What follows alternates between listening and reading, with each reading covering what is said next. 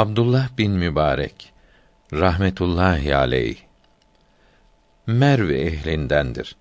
118'de Horasan'da doğdu. Fırat kenarında Heyet denilen bir beldede 181 miladi 797'de vefat etti. Kabri oradadır.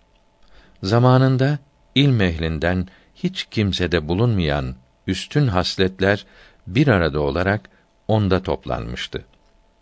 Fakih, alim, vera sahibi, sünnet-i seniyyenin marifetine sahip ve hafız idi.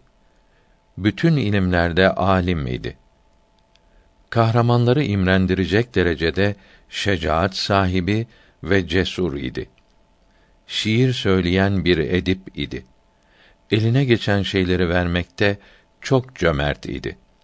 Süfyan-ı Sevri rahmetullahi aleyh senede üç gün Abdullah bin Mübarek rahmetullahi aleyh gibi olabileyim diye çok gayret sarf ettim.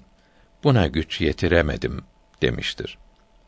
Fudayl bin İyad rahmetullahi aleyh Kâbe'nin sahibi olan Allahü Teala'ya yemin ederim ki şu iki gözüm Abdullah bin Mübarek rahmetullahi aleyh gibi bir başka kimse görmemiştir demiştir. Gözleri görmeyen bir kimse Abdullah bin Mübarek Hazretlerinin huzuruna gidip benim için dua ediniz de Allahü Teala gözlerimi açsın, görür hale getirsin dedi. Ayağa kalkıp dua etti. O şahsın gözleri açılıp görmeye başladı. Seleften bir zat ben o şahsı gözleri görmez iken de gözleri görmeye başlayınca da gördüm demiştir. Abdullah bin Mübarek rahmetullahi aleyh ölüm hastalığında hizmetçisine şüphesiz ki bu gece vefat edeceğim. Şu kitaplarımı götür nehre at gel buyurdu. Hizmetçi kitapları alıp gitti. Fakat atmaya kıyamadı. Geri geldi. Hizmetçisine kitapları nehre attın mı dedi. O da attım dedi. Ne alamet gördün dedi. Hiçbir alamet görmedim deyince sen onları atmamışsın. Haydi onlara at gel buyurdu. Hizmetçi şöyle demiştir. Kitapları götürüp nehre atınca hane ırmağından göğe doğru bir nur yükseldiğini gördüm.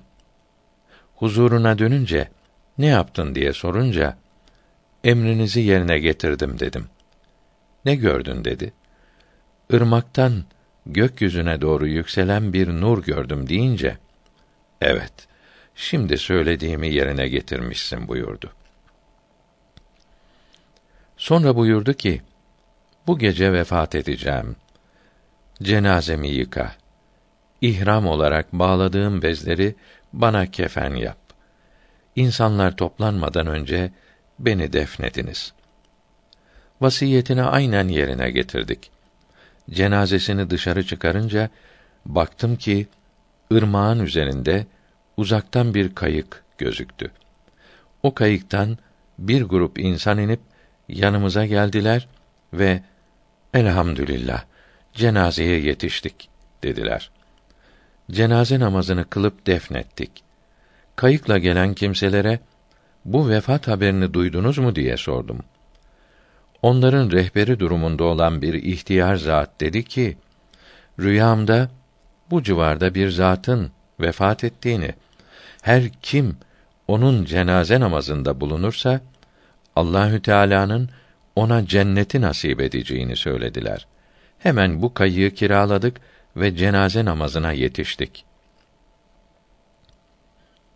Buyururdu ki, edep nedir? Alimler çeşitli tarif etmiş. Bence edep kişinin nefsini tanımasıdır. Birinin bir lira hakkını ödemek bin lira sadaka vermekten daha iyidir. Çalışıp kazanmak tevekkülü bozmaz.''